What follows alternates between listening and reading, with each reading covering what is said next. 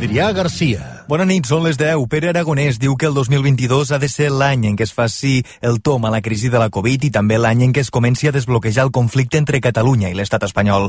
El president de la Generalitat, però, afirma que si la negociació s'encalla, caldrà començar a treballar per a construir alternatives. En el seu discurs, Aragonès també ha volgut refermar la defensa del català com a llengua vehicular i la necessitat de reforçar-lo en l'escola. Aquesta escola té el català com a element central, un paper que tenia sentit en una societat com la de fa quatre dècades, i que revaloritza en un context on la diversitat cultural i lingüística del país no ha parat de créixer i d'enriquir-se amb aportacions d'arreu del món. Hem de potenciar l'escola, el seu model lingüístic, perquè sense cap mena de dubte és el nucli de la nació catalana. Aragonès ha agraït també l'esforç dels catalans que han de suportar les noves restriccions en plenes festes de Nadal, però ha assegurat que aquestes mesures severes es mantindran només el temps indispensable. Ho ha dit en el missatge de Sant Esteve, gravat des de l'escola Rosselló Porcel de Santa Coloma de Gramenet, un dels primers centres de Catalunya en què es va aplicar la immersió lingüística. I l'exarquebisbe sud-africà i Premi Nobel de la Pau, Desmond Tutu, ha mort als 90 anys després de ser ingressat a principis d'aquest mes per una infecció. Tutu va ser una de les figures més claus al costat de Nelson Mandela Mandela per enderrocar l'apartheid a Sud-àfrica. Jordi Basté el va entrevistar quan va venir a Catalunya per recollir el 26è Premi Internacional de Catalunya, ara fa 7 anys, i Tutu va aprofitar l'altaveu del món a rac per enviar un missatge d'optimisme cap als més joves. I am jo em sento entusiasmat quan estic amb els joves perquè estan implicats en la cura del medi ambient. I, uh, sí, sí. I think there are many, jo penso que hi ha moltes i moltes bones coses. Durant tot el dia d'avui, diversos líders mundials com Barack Obama o Boris Johnson han recordat la seva figura. També ho han fet la presidenta del Parlament, Laura Borràs, o el president de la Generalitat, Pere Aragonès. I fa una estona ha acabat el concert de Sant Esteve del Palau de la Música. Ho ha fet com és tradicional amb el cant de la senyera. Oh,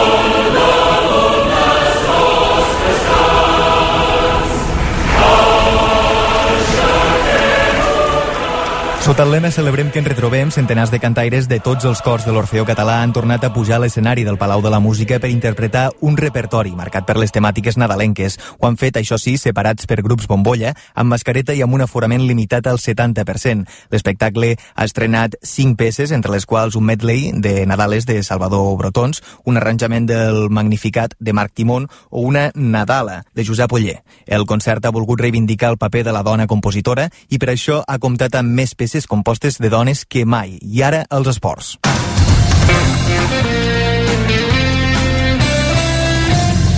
Demà es farà oficial el fitxatge de Ferran Torres pel Barça després que el davanter passi la revisió mèdica, segons informa Mundo Deportivo. El jugador valencià ha arribat avui a Barcelona i en un principi el dimarts serà presentat al Camp Nou. Si el Barça aconsegueix inscriure'l, podria debutar a la Copa contra el, Linadre, el Linares el dimecres 5 de gener.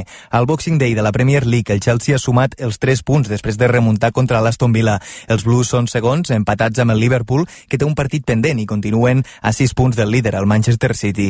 Ara, a la mitja part, el partit entre el Brighton i el Brentford, 2 a 0 pels locals. Encara a Anglaterra, la Covid-19 continua afectant la competició. La Premier ha ajornat l'enfrontament entre l'Arsenal i el Wolves, que s'havia de disputar demà passat. És el cinquè partit suspès en 3 dies. I en motor, l'excampió del món, Nico Rosberg, proposa que les regles de la Fórmula 1 sobre els avançaments i les accions a roda a roda siguin més precises per evitar les discussions que hi ha hagut aquesta temporada. I acabem amb el temps. La nit serà una mica més suau que l'anterior i demà al centre del dia les temperatures enfilaran més que avui, sobretot al Pla de Lleida i a les comarques de Tarragona, amb termòmetres en aquest últim cas, així com a la costa i al prelitoral central, que arribarien als 20 graus. Durant les primeres hores de la tarda tindrem precipitacions poc importants al Pirineu i en el cas de les comarques de Girona i també en altres sectors de la demarcació. La cota de neu se situarà entre els 1.600 i els 1.800 metres, tot plegat en un dia amb vent moderat al centre i sud de Catalunya. Això és tot. Més informació d'aquí una hora i a rac1.cat.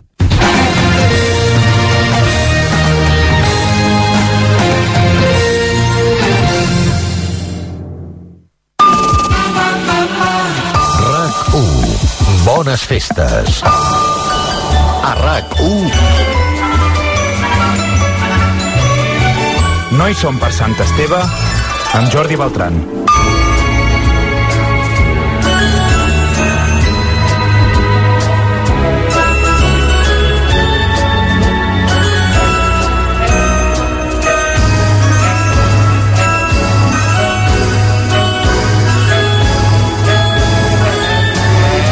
Escoltem, ara fem una petita pausa que vull parlar amb, amb una parella de nois que han fet un EP en quatre cançons que no sé, m'ha donat la cosa aquesta de dius, aquests nois tenen alguna cosa que és que tenen un nom bastant difícil de recordar.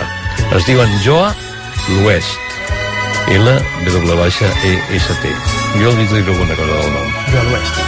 Després tornem amb Guillem Escobarilla. Nois som per Sant Esteve amb Jordi Beltran.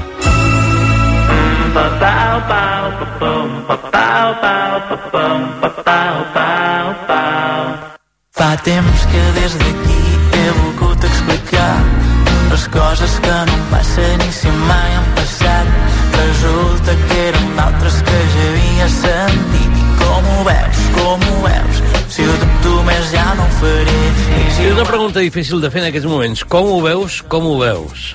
Però ja quan vaig sentir per primera vegada aquesta cançó, més enllà d'aquesta manera de dir com ho veus, com ho veus, em va cridar l'atenció la sonoritat, la manera de cantar d'una parella que eh, han decidit tenir un nom del que en parlarem ara immediatament. Marc, Ferran, què tal, com esteu? Som Jo a la West i aquesta és la seva cançó de presentació que es diu Què hi vols fer? Que també és una bona reflexió per aquests dies. Què tal, com esteu?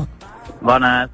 Doncs sí, una mica tornant, tornant una mica estar en sintonia amb els moments en els que es va gestar precisament aquesta cançó. Mm. Que en quins moments es va gestar? Exacte, en ple confinament. En ple confinament. Doncs mira, més, més actual no pot ser... Bueno, no, no estem en ple confinament, però pinta, pinta que la cosa pot complicar-se una mica. Bé, primera qüestió. Us dieu Joa, J-O-A, llavors espai, L, W baixa E, S, T. Joa l'Oest. Exacte. Així és. Escolta, de veritat, és que jo a tothom li dic, hosti, és que crec que és un nom que, que, que us l'hauríeu de canviar. Mira, sí, sí. Com vau decidir arribar a, a dir-vos jo a l'oest? T'ho dic perquè quan li dius algú com us dieu, diuen què? Uh -huh. Com? Què? No, o sigui, costa molt de visualitzar-lo, com a mínim. Sí, bàsicament a- aquest nom va, va sorgir de, doncs clar, en època de confinament a través d'una videotrucada, una de les tantes videotrucades que vam fer amb, amb en Ferran, doncs clar, havíem de decidir un nom perquè ens, ens presentàvem al Sona Nou i, i bé, eh. buscàvem un nom i en aquell moment doncs mm, no, no volia presentar-me com a Marc Esteve, després si de cas expliquem com, com es forma, eh? però en Mm. un inici eren, pues, era jo el que cantava i per tant pues, una de les possibilitats era pues, presentar-me com a Marc Esteve però no em semblava pues, just Ja. ni, ni, lògic ni lògic sent, sent dues persones i llavors doncs amb una d'aquestes converses vam començar a fer una mica de pluja d'idees i vam arribar a una frase en, en francès que, es di, que és être a l'oest que literalment vol dir estar a l'oest Mm. I que, va, i, bueno, i que vol dir doncs, ser un llunàtic, ser un raret, ser diferent. I aquesta expressió ens va agradar i la vam voler adaptar a un nom i un Mm. cognom. Sí. I, uh, llavors vam adaptar aquesta expressió a jo, a l'oest, i llavors eh, l'únic que vam fer és que la partició de les paraules va ser aquesta estranya, però alhora en- bueno, ens, agrada, ens agradava la sonoritat que tenia i com que fos una mica críptic també. també. Ja. En definitiva, bé, no sé, en aquell moment ens va semblar com molt bon nom. Sentiu de fons com una mena d'alarma o de, de senyal de- d'atenció és que tenim el Ferran que està a punt d'agafar un tren. Estem fent una, una entrevista Verité, però al 100% gairebé. Bé, escolta'm, aleshores, us munteu com a parella musical, feu un duo, per què? Perquè us coneixíeu d'abans, perquè ja us caieu bé, perquè una excursió vau trobar que teníeu moltes coincidències... Sí. Bueno, si no arranco jo, eh? Mm, Sí, quasi millor, perquè em sembla que el Ferran Va, eh, sí, deu estar tapat per un tren, espero que no sigui Bé, res bé. greu, eh? En Ferran i jo ens coneixíem des de fa ja doncs, ben bé sis anys, ben bons, perquè vam treballar junts a una casa de colònies com a, com a monitors. I ja des de des d'aquells anys doncs, eh, ens havíem adonat, com tu deies, que, que, bueno, que teníem interessos en comú, que ens agradava la música, vam, anàvem a concerts junts, fèiem viatges, bé, en definitiva doncs, teníem aquesta amistat i a l'hora de, de posar-me a fer cançons en el confinament doncs vaig trobar que necessitava una mica d'ajuda en, en tot el tema de les lletres perquè què hi vols fer? Sí que era un tema que vaig diguéssim, perillo de, de, de cap a peus, però em vaig, em vaig trobar estancat i vaig dir, ostres, aquí necessito algú que, que posi una mica de lletra a les meves mm -hmm. músiques. I així és com va ser, tal qual. Li vaig dir, Ferran, tinc música, vull fer, vull fer alguna cosa, però, però em falten idees. I ell es va, bueno, va estar molt predisposat. I reprèn el son legítim que bons i dolents marxem ara que ja he vist caure la nit, la sort incert la nit, la sort incert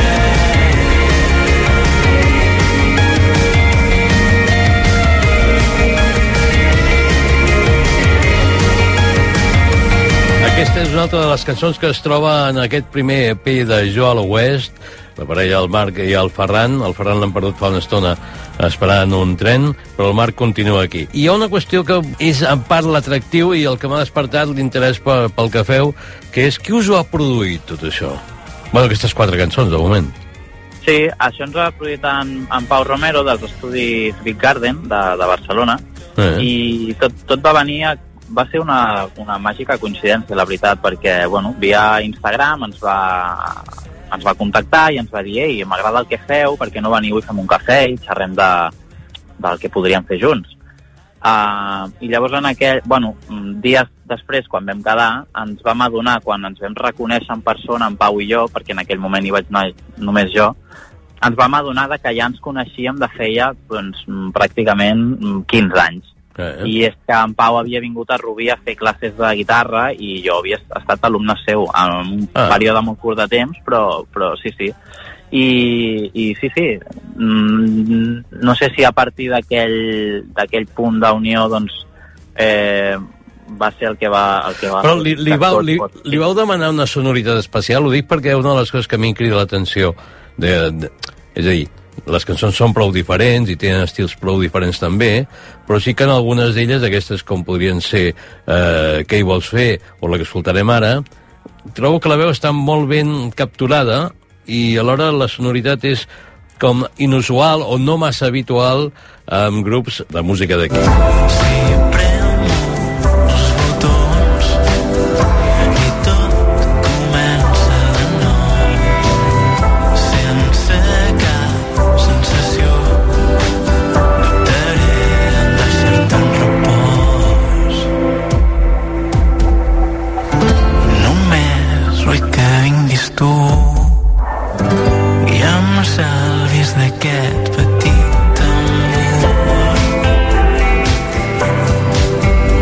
Diu Accepto i jo diria que està molt vinculada a la quantitat de coses que acceptem cada dia i que en molts casos no sabem exactament en què consisteixen. Uh, és la tercera cançó de, de l'EP de Joel West. Hem recuperat el Ferran. Ferran, què tal? Com... Estàs viu? Sí, sí. Val, molt bé, perfecte. Això era el que més preocupava. Sí, semiviu, amb, amb soroll d'ambient i el tren a tope, però... Va, estàs dins del tren, ja? Sí, Sí, ara bé. sí, de fet he perdut la cobertura per això. Molt bé. Uh, home, mira, m'encanta poder emetre una entrevista per Sant Esteve una persona que està dins d'un tren. De moment funciona bé. Uh, mascareta a tothom, molt apretats? Eh, prou apretats, la gent sembla que va això, de, de dinars i de, i de sopars, però bé, tothom amb mascareta i tothom, bé. tothom bastant còmode i bastant, i bastant adaptat. Mm. Bé, escolta'm, vosaltres quin, què diríeu que és el que us singularitza de respecte a altres grups o altres parelles musicals? Quin toc és el que li voleu donar per dir, no, mm, la gent quan escolti això de reconèixer Joel West, que insisteixo, igual és un nom que es pot canviar, eh? Però No, no, no, voldria, no voldria fer pesat, eh? Però és que, de veritat, costa molt de retenir, la gent no, no entén el nom, no sé allò que dius, eh, els, els cups, no? Una cosa així. Bé, doncs això, que, que, quin element diríeu o quina és la característica que creieu que us singularitza respecte a altres grups de música d'aquest país? Veu, una mica enllaçant amb el que deies abans, no? que, que aquest, aquesta sonoritat amb, que, que vam estar buscant amb, amb, amb en Pau, mm. precisament és el que és, era un dels pilars com que ens vam marcar a l'hora d'entrar a l'estudi. No? Uh, per començar, doncs, aquest tractament de la veu, um, sí que és veritat que bueno, abans de produir qualsevol cosa, doncs tu poses una mica en comú els teus gustos, les teves idees, i al final el product, la figura del productor, eh, la seva feina és bàsicament mm, traduir totes aquestes idees mm -hmm. que tu Mhm. potser tens. Sí, sí. Doncs eh, el paper que va tenir el Pau en aquest cas era agafar totes aquestes idees i, i fer-les aterrar, no? I llavors, si bé nosaltres teníem influències a nivell de, com, com bé deies, de la veu, eh? doncs Mm. d'aquelles veus radiofòniques que, que feien els Beatles eh, o més, més, mm, més després Radiohead també, Sí. inclús um, esmentant el referent per excel·lència per part meva com és Pau Vallvé, doncs també doncs una, una mica buscant aquestes sonoritats, eh, però alhora no tancant-se en absolut a experimentar una mica perquè al final un, un estudi és això, és un, Yeah.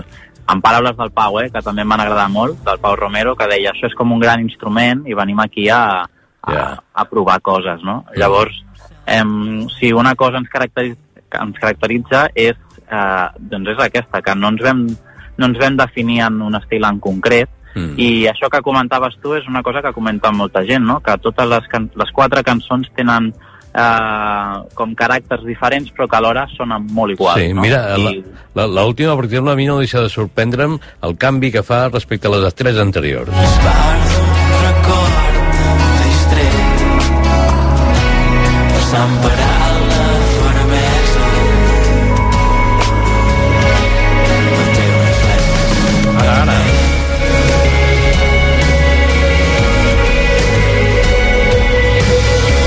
cançó es dispara i acaba amb una apoteosi guitarrera eh, que tanca eh, aquest primer EP en quatre cançons del Marc i el Ferran que funcionen musicalment com a Jo a la West.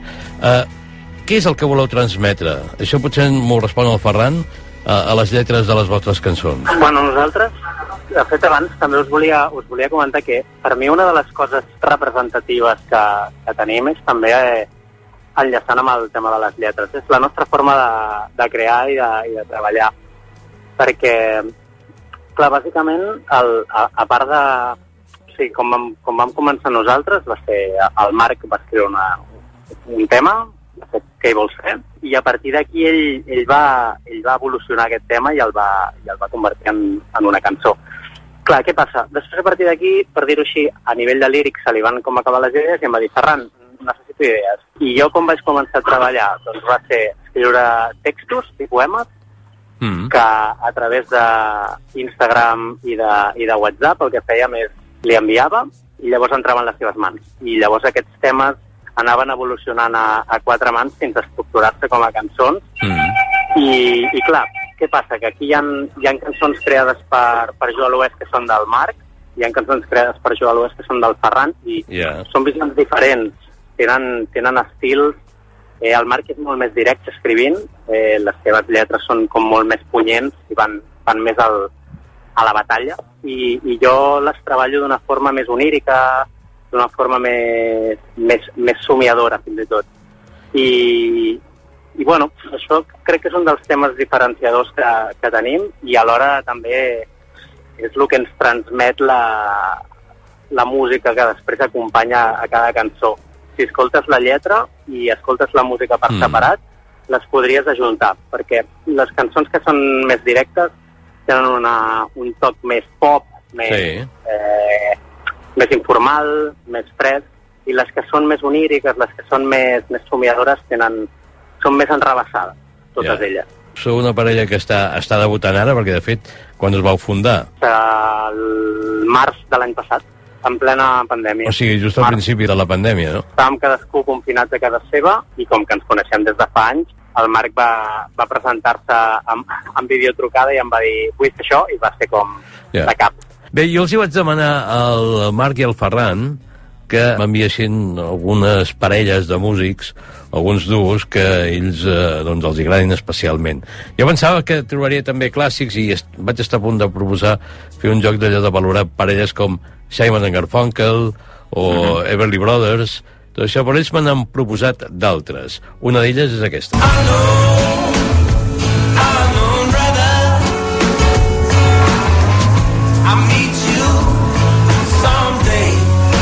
Aquests són els Black Keys i una cançó que es diu Unknown Brother, que ells van dir, no, dels Black Keys posem aquesta o una altra que van posar, però finalment hem escollit aquesta.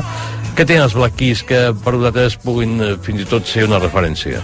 Bé, d'entrada, doncs, suposo que, que, que aquesta intenció de uh, intentar fer menys, o sigui, perdó, fer més amb menys. Yeah.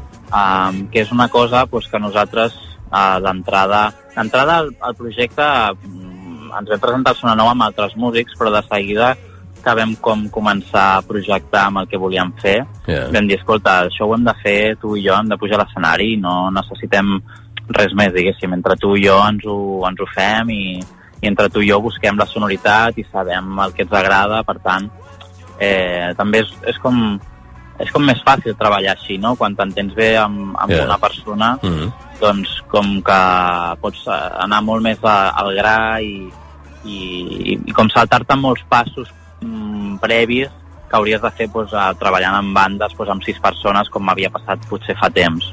Una altra parella que sembla ser inspira a Joel West és aquesta.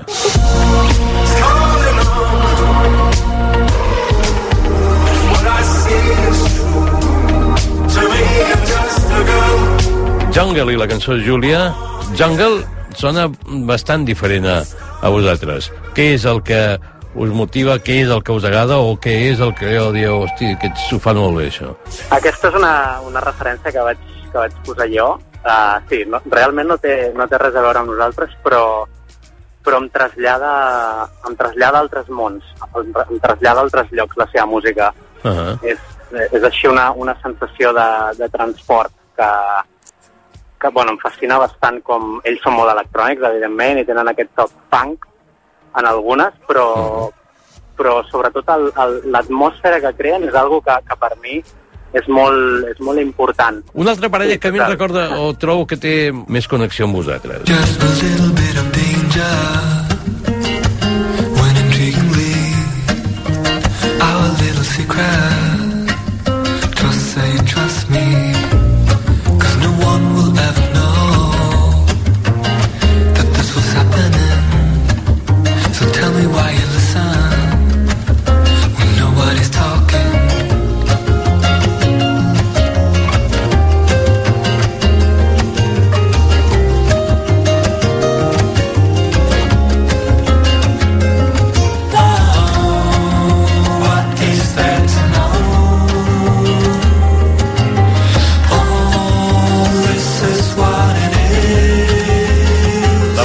Pulcritud i la nitidesa del so de Kings of Convenience no deu ser fàcil d'aconseguir. Ho dic perquè em recorda molt a vosaltres, però trobo que la producció és, no diré totalment diferent, però que sí té un percentatge elevat de, de diferència respecte a la vostra. Fent referència al que deies tu abans, bueno, la parella que comentaves de Simon and Garfunkel, Mm. Kings of Convenience, precisament, la màgia que tenen és, és això, no?, que, que amb molt poc, de fet jo els he anat a veure doncs, quatre o cinc vegades uh Ah. en directes que sonen igual, és a dir, les seves veus i les seves guitarres a, els, hi- els hi valen, no necessiten Mhm. res més. També perquè a, es nota molt aquesta complicitat que hi ha entre ells, no?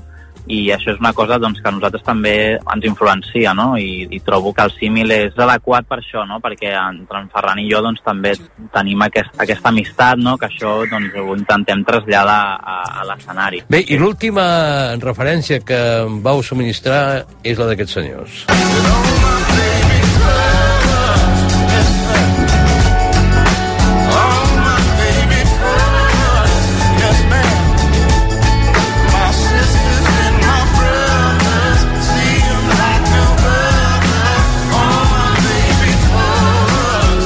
de Black Pumas. Aquí sí que em costa més trobar la connexió. Qui, qui, qui la va seleccionar aquesta, el Ferran?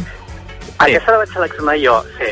És Black Pumas. Uh, hòstia, la, la història d'aquests dos em, em crida molt l'atenció perquè, bàsicament, e- és molt diferent també la història de, de la nostra, però, però he llegit entrevistes i tal. Fa poc que, que s'ha format aquesta banda i eren dos músics. Un era, penso que és de Nova York, i l'altre era de, no sé si era de Nova Orleans o del sud, i en un dels viatges que va fer el cantant Sí. va conèixer el, el guitarrista, que és, és bastant famós pel sud i per Mèxic i tal, i van connectar.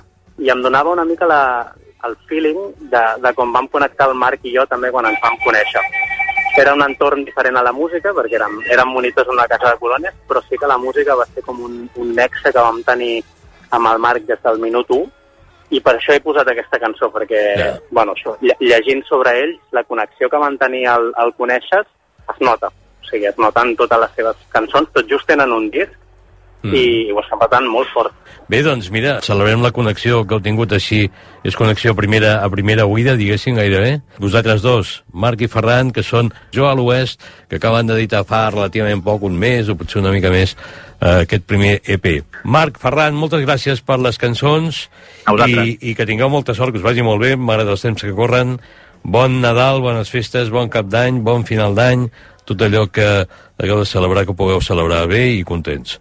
Que vagi Igualment, molt un- bé. Molta sort. Un Moltíssimes gràcies. Adéu. La propera.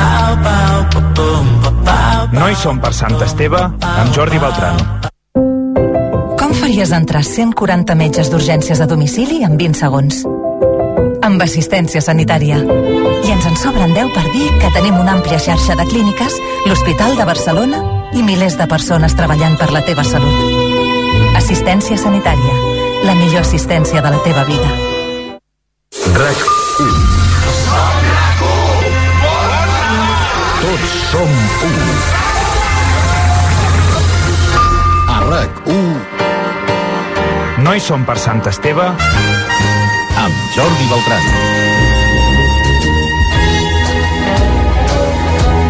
I amb Guillem i Maria avui compartint aquesta jornada de Sant Esteve prèvia o post canalonària. Sí. Prèvia perquè... Clar, la eh, repetició, no, Si hi ha llum de dia, Clar. diguéssim, encara... Home, pot ser que hi hagi, que hi hagi gent que apliqui l'horari europeu de forma molt estricta i a aquesta hora ja s'hagin pres els canalons, els torrons i tot el que faci falta, però n'hi ha d'altres que no, que avui segons com també és d'aquells dies que es dina tard, que s'aparca on vols, Sí. això no sé si Bueno, es mantindrà molt depèn temps del o barri, no, també. depèn del barri. Eh, però és un dia en què estem, diguéssim, abans del dia de Sant Esteve. No et preguntaré quins canelons són els teus preferits, perquè l'any passat ho vam comentar. No sé què et vaig contestar. Sí, una, una pizza de canelons, una cosa així, de, No, una, un excés, era un excés, Guillem. Però, en fi, Pot ser, pot ser, clar. eh, i també pot ser que ho escolteu a la nit allò dient... "Ah, els Clar, a la nit canelons, s'ha de repetir, s'ha de fer els, els cants No, sobrat. no, Guillem, no, que no ho recomana ningú ja, això. Jo sí, jo, jo Sí. soc molt de repetir... El dinar, caneló, el eh? ca- Repetir el, de, el dinar, sí, fer el ressupor amb el dinar. Bé, insisteixo, hem de trobar l'Alessa o aquest altaveu intel·ligent que li diguis fes-me uns canelons i te'ls faci. Nosaltres no els farem canelons, sinó que el que farem serà continuar repassant eh, àpats de celebració memorables d'algunes pel·lícules com aquesta. Pues no me lo creo. ¿Dónde están las lágrimas? Por favor, te quiero. Además, yo no quería un hijo gordo. Mira que lo dije. Ni con gafas. ¿Lo dije o no lo dije? Es lo mejor que hemos podido encontrar. Papá, Ni papá ni hostias. Despedido. Ahora te vas a tu puta casa a aprender a llorar. Y quiero otro hijo sin gafas, que no creo que sea tan difícil. Y que no esté gordo. No quiero pasar el día de mi cumpleaños sin mi hijo pequeño.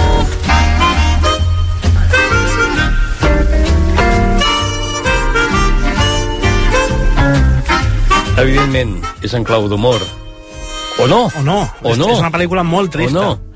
És uh, una pel·lícula memorable també. Jo, Fernando León, n'he vist unes quantes. Sí, mira, i ara està Bueno, per mi sempre, nominacions. sempre serà el director de Família. Estic molt d'acord, a mi és una pel·lícula que encara avui en dia eh, em diu alguna cosa, no? I, i m'impacta encara el, el, el, la primera vegada que la vaig veure i les sensacions tan bones que em va donar, no? Eh, Et diré que estem davant d'una pel·lícula, o tenim sobre Mhm. la taula, una pel·lícula de que és impossible explicar-la si no fas spoiler. Sí, de O sigui, fet, És, aviam. és un spoiler d'entrada, ja, segons. Fem spoiler, no passa res, és el 96. Ja, Si no l'has vist, mala sort. Ja, ja sou grandets, eh, per no haver-la vist. Deixa'm dir que un, un molt bon any Eh. d'òperes primes al cinema espanyol va ser l'any on vam descobrir Fernando León Arano en família, però també Amenábar amb tesis. Sí.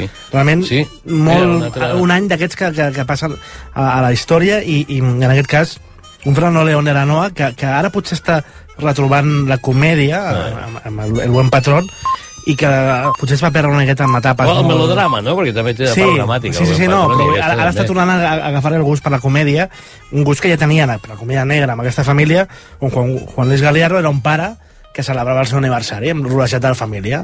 Mm. Fins aquí, diguéssim, lo, Sí. lo esperat, no? Però resulta i vas descobrint que, com escoltàvem una mica el clip, que estàs, estàs despedido perquè no quiere un, un hijo gorro i con gafas, resulta que són actors el que té al seu voltant. Mm. Ell és un home molt sol, sol que no té ningú en qui celebrar l'aniversari i decideix fingir, pagar i contractar uns actors per fer la seva família. Mm. Clar, una proposta realment Hilarant. és molt, tri però molt trista. Sí, sí, quan sí, quan no, te no, no. n'adones, quan, quan ja has, has descobert el mecanisme i te n'adones n'adones que aquest home està tan sol que ha de pagar per tenir companyia, realment... Però mira que et dic que... Vols dir que no hi haurà o no existeixen empreses o grups que han muntat aquesta possibilitat, aquesta segur, alternativa? Si hagués de posar amb el foc, et diré que a Japó deu, deu, segur que hi ha una indústria, perquè Pot de fet ser. allà em sembla que ho fan de... Que Japó, Corea, tota aquella àrea també ho toca bastant, Contracten persones per fer veure que tal, sí. Però també hi ha una, una lectura que també està molt bé, que és utilitzar la, la família com també criticar la família com a concepte. És a dir, Sí. o sigui, no només t'està separant un home molt solitari que ha de pagar per tenir família, sinó també t'està dient fins a quin punt la família en general és o no una impostura, no? Fins a quin punt, quina és la diferència entre Sí. una família comprada i una família real, que potser sí. també venen al teu aniversari i, I no volen i venir, tenen no? nebot que tampoc li agrada al- Exacte, o... En el tiet. I llavors, aquesta doble lectura també m'agrada molt d'aquesta pel·lícula. Bueno, el Juan Luis Galeano està increïble. Sí. Sí. Realment també un d'aquests actors que trobem molt a faltar. Mm. I que també recuperava gent, no? El seu dia recordo que Amparo Muñoz feia molt de temps que estava desapareguda i la va recuperar, també. O el debut també d'Elena Naya, que després ha tingut una, un, un bon recorregut mm. després de Família. Bé, una, jo crec que d'aquelles pel·lícules clau del cinema espanyol dels últims 30 anys, Sí, esclar, és que... que hi ha- segueix molt bé. A més a més, donava el joc de que la confusió que es creava al dir eh, perquè tu madre o tu senyora, perquè Clar. hi havia un altre... I sempre recordo un dels moments que més vaig riure, que és amb un dels actors, bueno, un de, sí, Sí, un dels clar. actors que li fan de, de parent, De, de parent. que veu que allà hi ha un xampany francès extraordinari, i el tio diu, home, això és... I just quan va posar-se la copa de cava, ja se l'ha posat i està a punt de... Entra el propietari de la casa, ¿ho explico?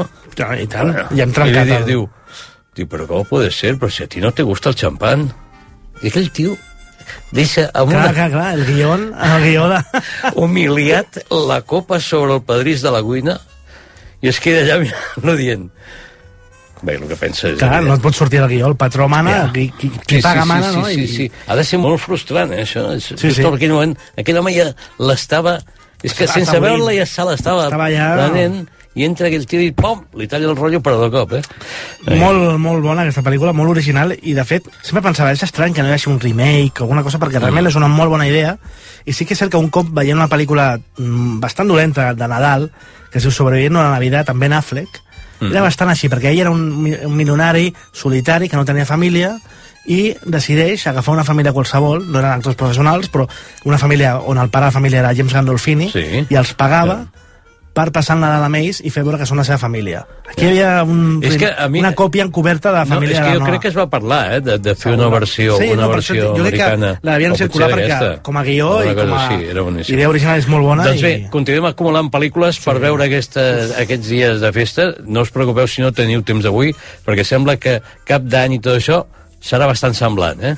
I si teniu uns dies de vacances, doncs mira, Sí, aprofiteu. són les festes de la marmota. Aquesta també és recomanable per veure-la eh, precisament en aquests dies de Nadal. I la que escoltarem ara... Zorilla, eh? per- Aquesta, aquesta és, podríem dir-ne, heavy metal. Espero que disfrutéis de una velada estupenda. Y ahora vamos a comer. Este es mi novio. Welcome. Nice to see you back. A este no le has visto antes. ¿Has perdido esto? Es un muchacho excelente. Me voy. Os presento a mi amigo de la infancia. ¡Hurra! ¡Hurra! ¡Hurra! ¿Me puedes ayudar?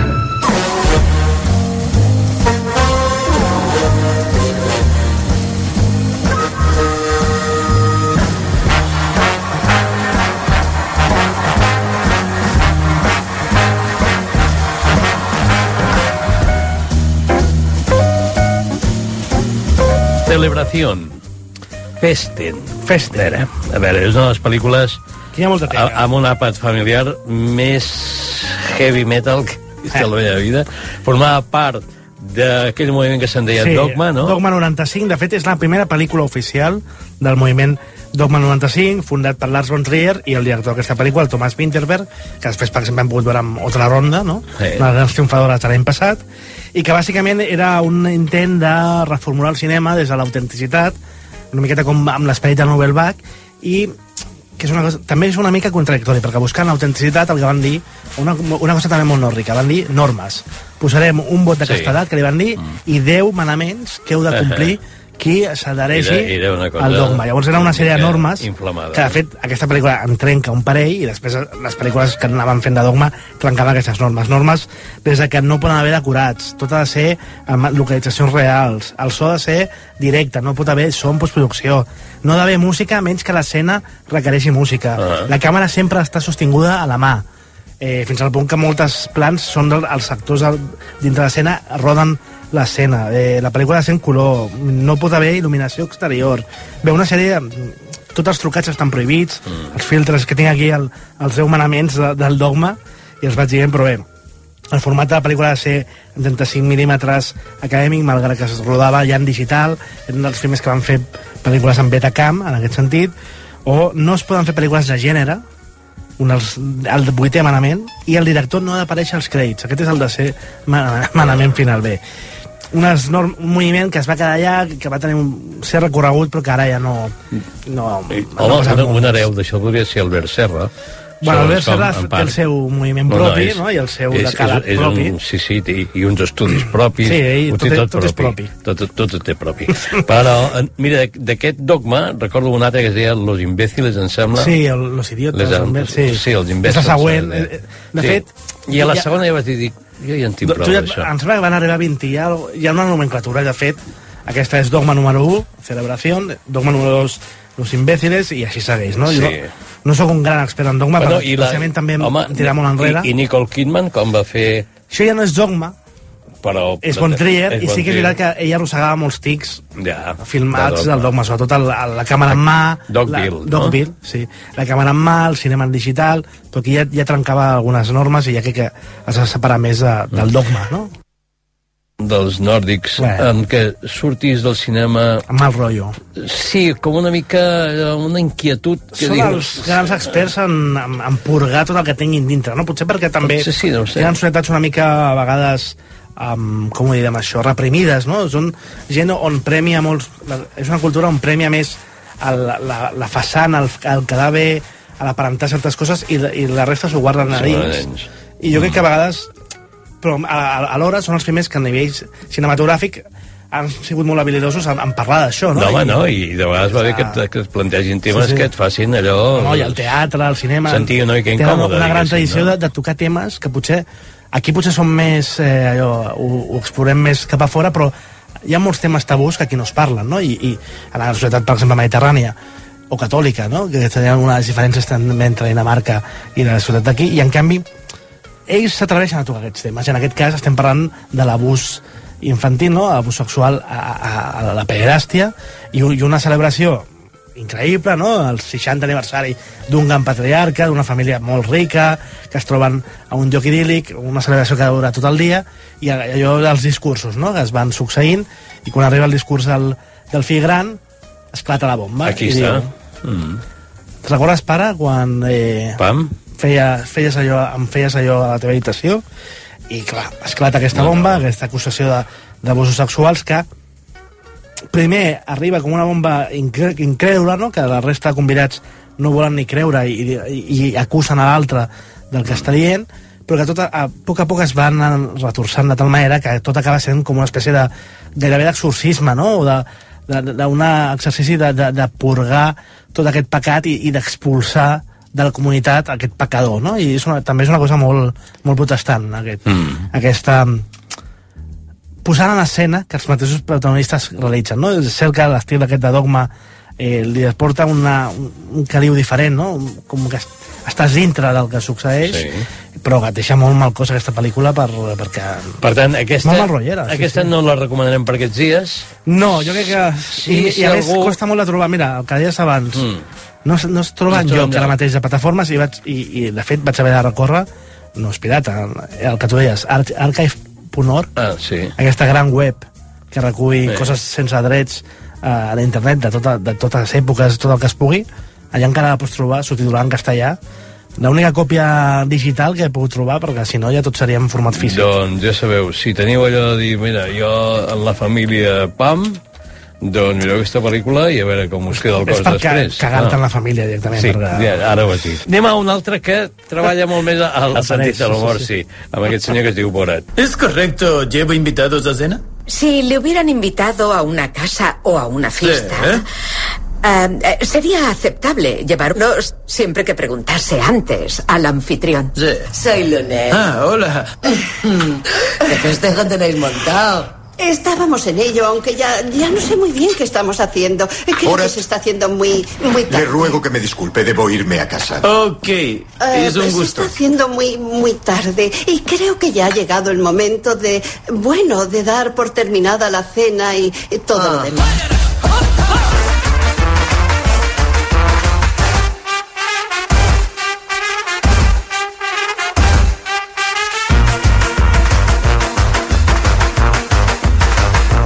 Inspiració balcànica Oh. de Borat. He de reconèixer que no he vist mai Borat.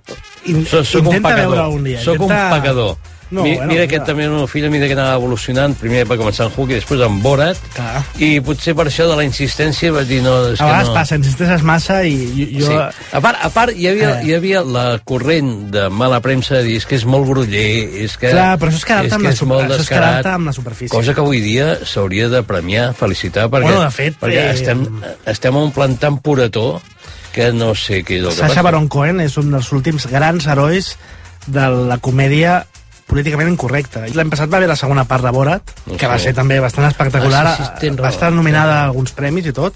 I després va fer la, la, de, la, de, la, la del diari, bueno, la del conflicte de Chicago. Ah, bueno, sí, de fet, la, va, la arribar a feta de estar, Chicago. va estar nominat per als dos papers, els Globus de, de Ah. les dues pel·lícules. Eh, Donant mostra no, de, de versatilitat, versatilitat d'un Sacha Baron Cohen, que encara, ja et dic, encara fa aquest cinema políticament correcte, també va fer una sèrie Però, clar, un parell d'anys aquí- que és Juiz Amèrica, que és brutal. Però aquí tothom surt...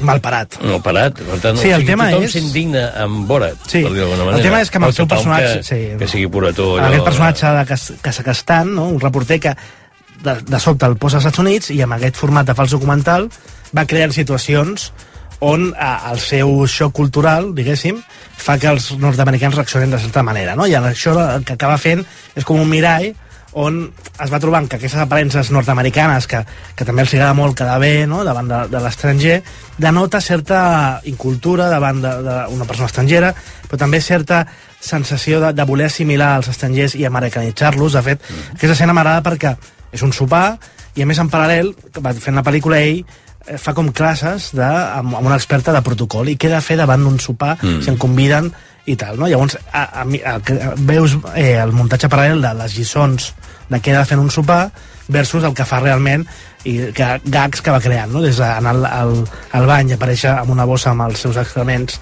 i això no, això no llenço i clar, els altres flipen No, o no, si tenir amb un una prostituta brutal.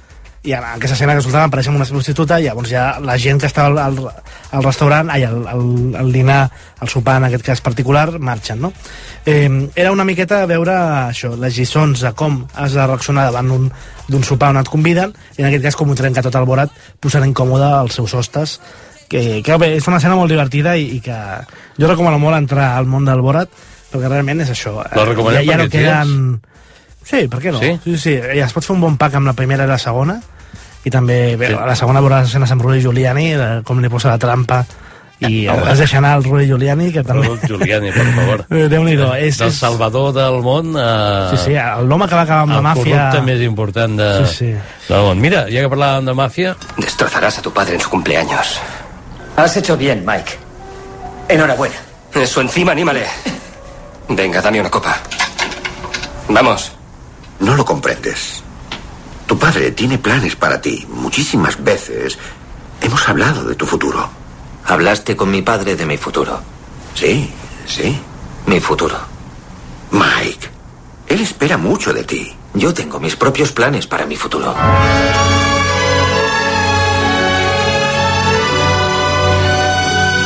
El Padrino hi havia de ser, The Godfather, Clar. perquè aquí hi ha bastants Ah, àpats de Sí, celebració. els àpats són recurrents. Sí, eh, de God...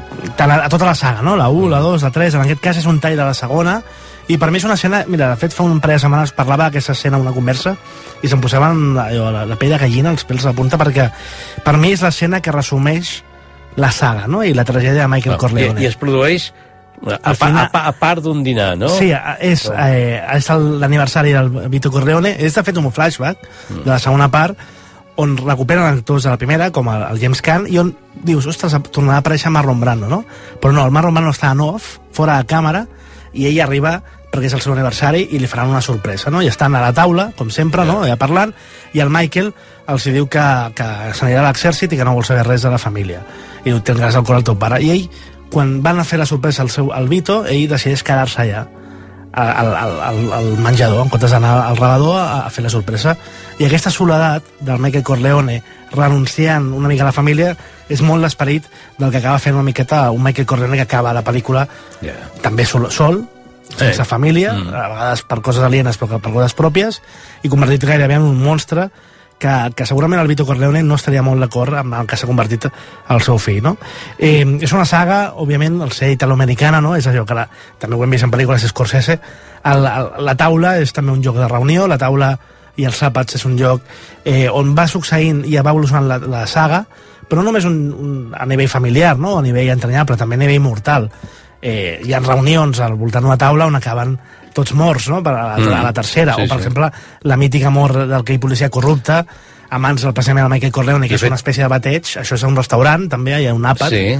un plat d'espaguetis, no? És que de vegades hi ha moments que dona la sensació d'un dinar d'empresa o un Sí. sopar d'empresa, perquè estan tots els mafiosos allà. Clar, de fet és una cosa molt mafiosa, no? De, de, dels grans tractes, tancar-los eh, a una taula, no? I, I una cosa. I a nivell també culinari o d'àpats, hi ha un, un leitmotiv també temàtic en aquesta saga, sempre que surten taronges Mm. a l'escena, alguna passarà cosa. alguna cosa relacionada amb, amb una mort o amb una quasi mort. I en canvi, aquesta jo diria que és un clàssic de Nadal. ¿Dos minutos en casa del John y ya pierdes aceite? No, oye, te, te- te lo digo en serio. Me piré de casa de Elton, donde había mogollón de pavas medio en pelotas y babeando para estar aquí contigo en Navidad. Y sinceramente, a pesar de todas mis quejas, hemos tenido una vida maravillosa.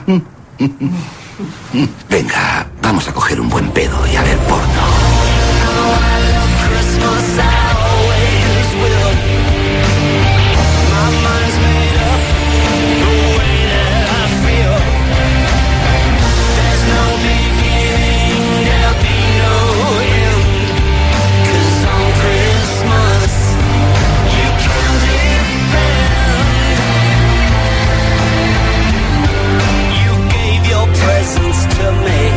La versió que es va fer per eh, Love Actually Sí. del Love is All Around, que s'havia fet famós també a Quatre bodes i un funeral. escrita per Richard. Curtis, director d'aquesta pel·lícula. Pel·lícula. Tot, tot queda a casa, és eh, Love Factory, i és la culminació d'aquella dècada prodigiosa del cinema britànic, on van ser capaços de patentar la feel good movie, no? Eh, aquestes comèdies de bon rotllo que, que, que ens encantaven, no? Quatre veus un funeral, Full Monty, mm. i aquesta pel·lícula el 2003 va culminar, i a més a, a, amb la perversió total de la cursileria, diguéssim, que és fusionar dos gèneres com la pel·lícula romàntica amb la pel·lícula de Nadal. I ja, ja és un mega hit, és com Los Vengadores de, de les pel·lícules romàntiques Aquesta no diré això, que cal recuperar-la perquè segur que... cada, cada, cada any cau, és Cada el any nou que havies vivir, no? Hugh Grant, Emma Thompson, Liam Neeson, que era Niley, Bill Nighy, Laura Linney, era un repartiment brutal i una pel·lícula de Nadal, el Colin Firth també, on potser eh, havien celebracions puntuals, havien des de funerals a casaments, però que en el fons tota la pel·lícula seria una miqueta el desig de cadascun d'ells de trobar aquelles persones amb qui compartia l'eventual Mm. la celebració o àpat de Nadal, no? perquè tots estan buscant una miqueta amb qui compartir la vida, són- són eh, diverses històries amoroses o desenganys amorosos Jo va- variats per acabar trobant aquella persona amb qui has de compartir de que dir- potser no, no has de compartir I ara en guanyaré no? alguna pedrada d'algú, va, una pedrada, però vull dir que diré que diu aquest ara, que és que no, no m'havia posat a veure-la mm, fins fa un parell d'anys. Bueno. I precisament una nit de Nadal vaig dir, vaig veure va. el Love Actually, a veure què, ja m'ha decebre. massa expectatives, Eh, sí, massa que jo- expectatives jo- mort per sí. hype Sí. Clar, normal. Hi eh, havia personatges allà que no m'acabaven de, de quadrar. És una pel·lícula de cursi, és així, però Sí. va caure també que No, no, sí. té, Ell- aquesta, té aquesta, aquest misticisme I fa Nadal, i fa, fa, Nadal. fa Nadal, i està molt ben portada Mm. és allò, la música, els personatges mira, jo em quedo més amb el Bill Nighy, aquest personatge que hem posat al clip Mm. però potser és la, la història més diferent no? I que té una miqueta més amb el tòpic de ai, hem d'estar tots enamorats Ja. i en parella al Nadal Que suposo que el haurien d'incloure al guió, també, per, per, perquè donés aquest contrapunt, no? Sí, De dir, "Bé, així trencarem és- una és el mica personatge més- tema. I és el, i el que, és el que has escollit tu, eh, Pillín? Fem una petita pausa, ja que estem així Sí. en aquest terme. Sí, després tornem aquí mateix. A RAC1 No hi som per Sant Esteve amb Jordi Beltran. Em vull vendre el cotxe, vendre el cotxe. A vender mi cotxe et comprem el cotxe. Però com? On i quan? No tinc temps. Fàcil i molt de pressa. No cal ni demanar cita. Vine amb el teu cotxe, accepta la millor oferta i abans de 30 minuts tu i els teus diners espereu de tornada a casa. Vinga, venta el cotxe a vender mi cotxe. Som a Barcelona, al carrer Rocafort 78, Cornellà de Llobregat i a Sabadell. és Nadal a RAC1. Sí. Oh, benvinguts. Passeu, passeu. Això de Navidades Blanques ho diuen per la Betxamel? Jo crec que sí. RAC1. Sí? Tots som Bon Nadal. A RAC1 No hi som per Sant Esteve amb Jordi Beltran. I amb Guillem i fa Maria avui compartint aquesta jornada de Sant Esteve repassant eh, àpats de celebració memorables. Mira, jo diria que la pel·lícula a la que, que tancarà mm. aquest repàs que hem fet d'àpats de celebració en el món del cinema, jo diria que podria ser Parenta, una mica Sí. de Love Actually, però potser és perquè és anglesa. És anglesa, Però és una que suposo que també molta gent ha vist i que és la història d'uns amics que van a veure a un amic que els convoca per una reunió. i després descobrirem per què Per què? Just to keep you all up to date, uh, we're down now to six. Carol's gone. And uh, Andrew's a bit upset about it, so I wouldn't mention it if I were you. And Brian has also gone. I am not upset. And you can mention it all you like.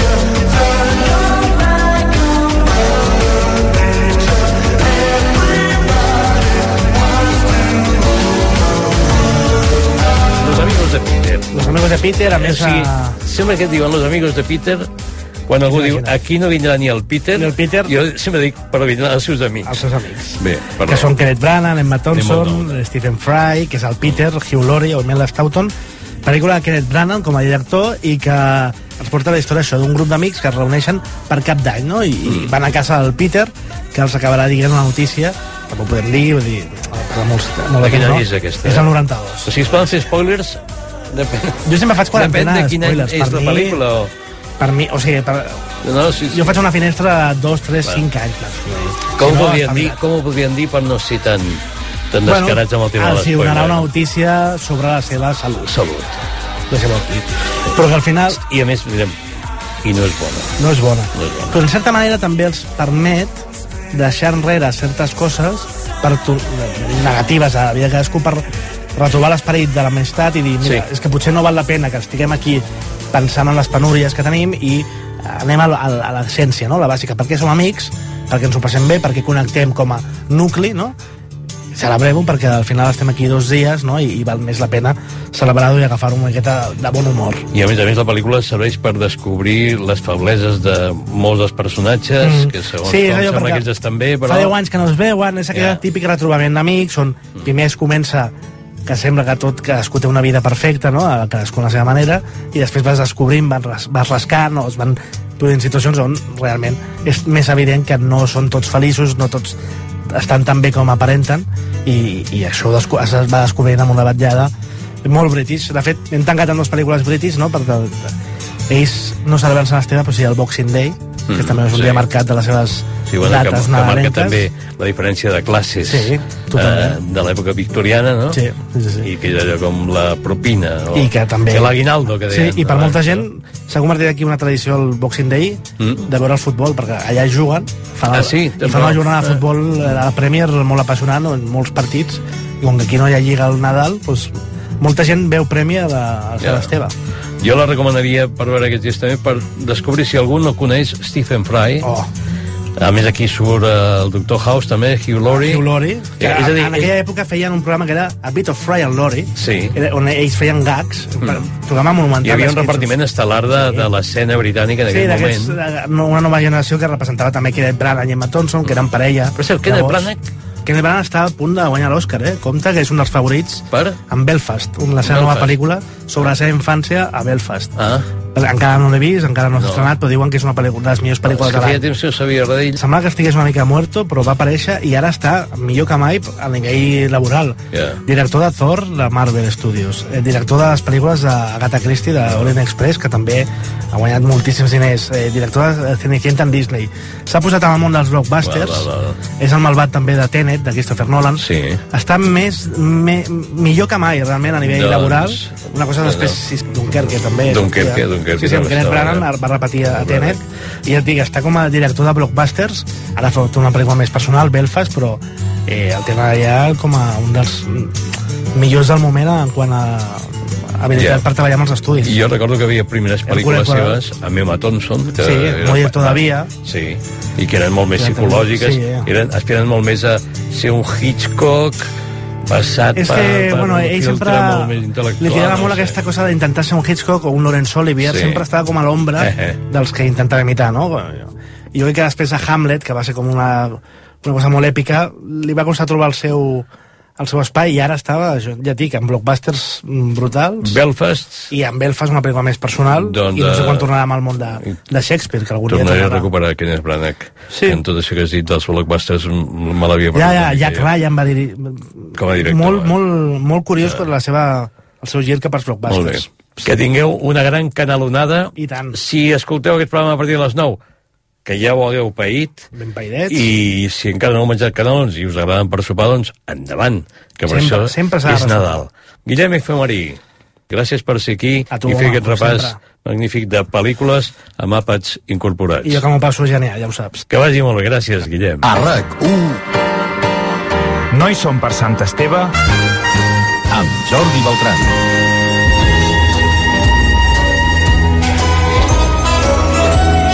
Doncs fins aquí, fins aquí ha arribat aquest No hi som per Sant Esteve d'aquest any 2021, que d'aquí cinc dies acomiadarem amb unes ganes també com el 2020. Portem una ratxa, noi, que...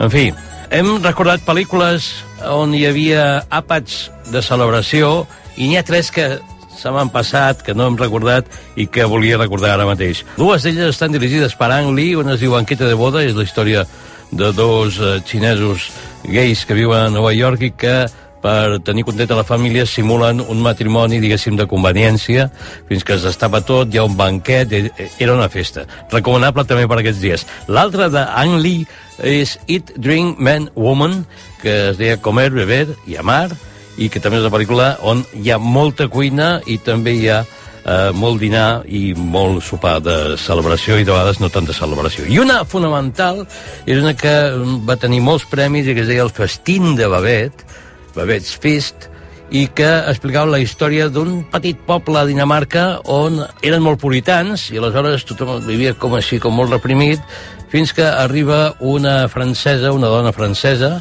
i aleshores, per celebrar que els ha tocat la loteria en una ocasió, munta un gran festí francès.